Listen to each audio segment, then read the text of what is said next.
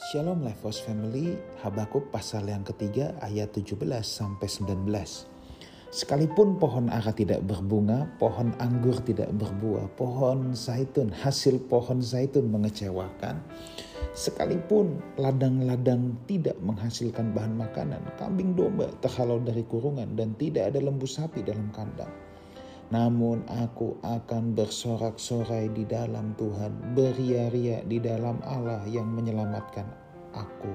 Sebab Allah Tuhanku itu kekuatanku yang membuat kakiku seperti rusa, yang membiarkan aku berjejak di bukit-bukitku. Saudaraku, kalau kita lihat ayat 17, ini menggambarkan uh, situasi kehidupan yang tidak enak, yang sedang dalam tekanan, dalam penderitaan, dalam kesusahan. Pohon ara nggak bisa berbunga, pohon anggur tidak bisa berbuah, hasil pohon zaitun mengecewakan, punya ladang tapi nggak bisa menghasilkan um, bahan makanan. Wah pokoknya ini kondisi tragis, kondisi tidak enak, kondisi yang sangat menyedihkan.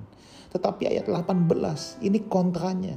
Memang betul keadaannya tidak enak. Memang betul keadaannya berat. Tetapi Nabi Habakuk berkata, aku akan bersorak-sorai dalam Tuhan. Betul, kambing domba lagi terhalau dari kurungan. ya Tidak ada lembu sapi dalam kandang. Namun, tuh, tetapi aku akan bersorak-sorai di dalam Tuhan. Jadi, sorak-sorai kita di dalam Tuhan tidak ditentukan oleh kondisi kehidupan kita.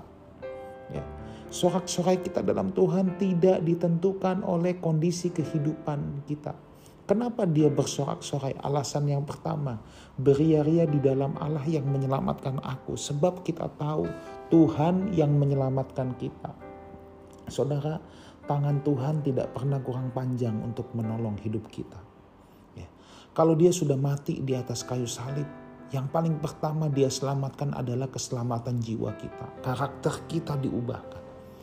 Soal tekanan hidup, penderitaan hidup. Saudara itu hanya musim-musim kehidupan, bumbu-bumbu kehidupan. Tetapi percayalah, gada dan tongkat Tuhan tidak pernah, tidak pernah meninggalkan kita sekalipun kita ada di lembah kekelaman Gada dan tongkat Tuhan tidak pernah meninggalkan kita. Itu hanya musim kehidupan. Nah, jadi ada alasan kenapa kita bersorak-sorai beria-ria dalam Tuhan sekalipun kondisi tidak baik. Sebab keselamatan kita itu ada di dalam Tuhan. Tuhan yang telah menyelamatkan kita. Kalau nyawanya saja dia berikan kepada kita di atas kayu salib, apalagi yang tidak diberikan, saudara. Nah tetapi ada juga alasan yang kedua. Allah Tuhanku itu yang membuat kakiku seperti kaki rusa. Yang membiarkan aku berjejak di bukit-bukitku. Nah saudara kaki rusa itu didesain khusus oleh Tuhan. Tuhan itu luar biasa sampai hewan pun dipikirin. Kaki rusa itu kaki yang bisa berlari di bukit-bukit berbatuan. Itu kalau hewan lain mungkin berat. Tapi kalau rusa itu bisa. Coba sapi suruh lari di bukit bebatuan. Dia nggak bisa saudara. Ya kita aja sakit kakinya kalau lari di bukit bebatuan. Kalau tanpa alas ya, pakai alas saja, wah itu bisa engkel saudara kalau di bukit bebatuan. Pakai sepatu pun itu bahaya sekali. Apalagi kalau nggak pakai sepatu saudara ya. Sebab memang sebenarnya kaki manusia tidak didesain untuk di bukit bebatuan. Ya. Kita tanpa alas kaki berjalan di lantai enak-enak saja. Tapi kalau di bukit bebatuan kan kita nggak didesain untuk itu.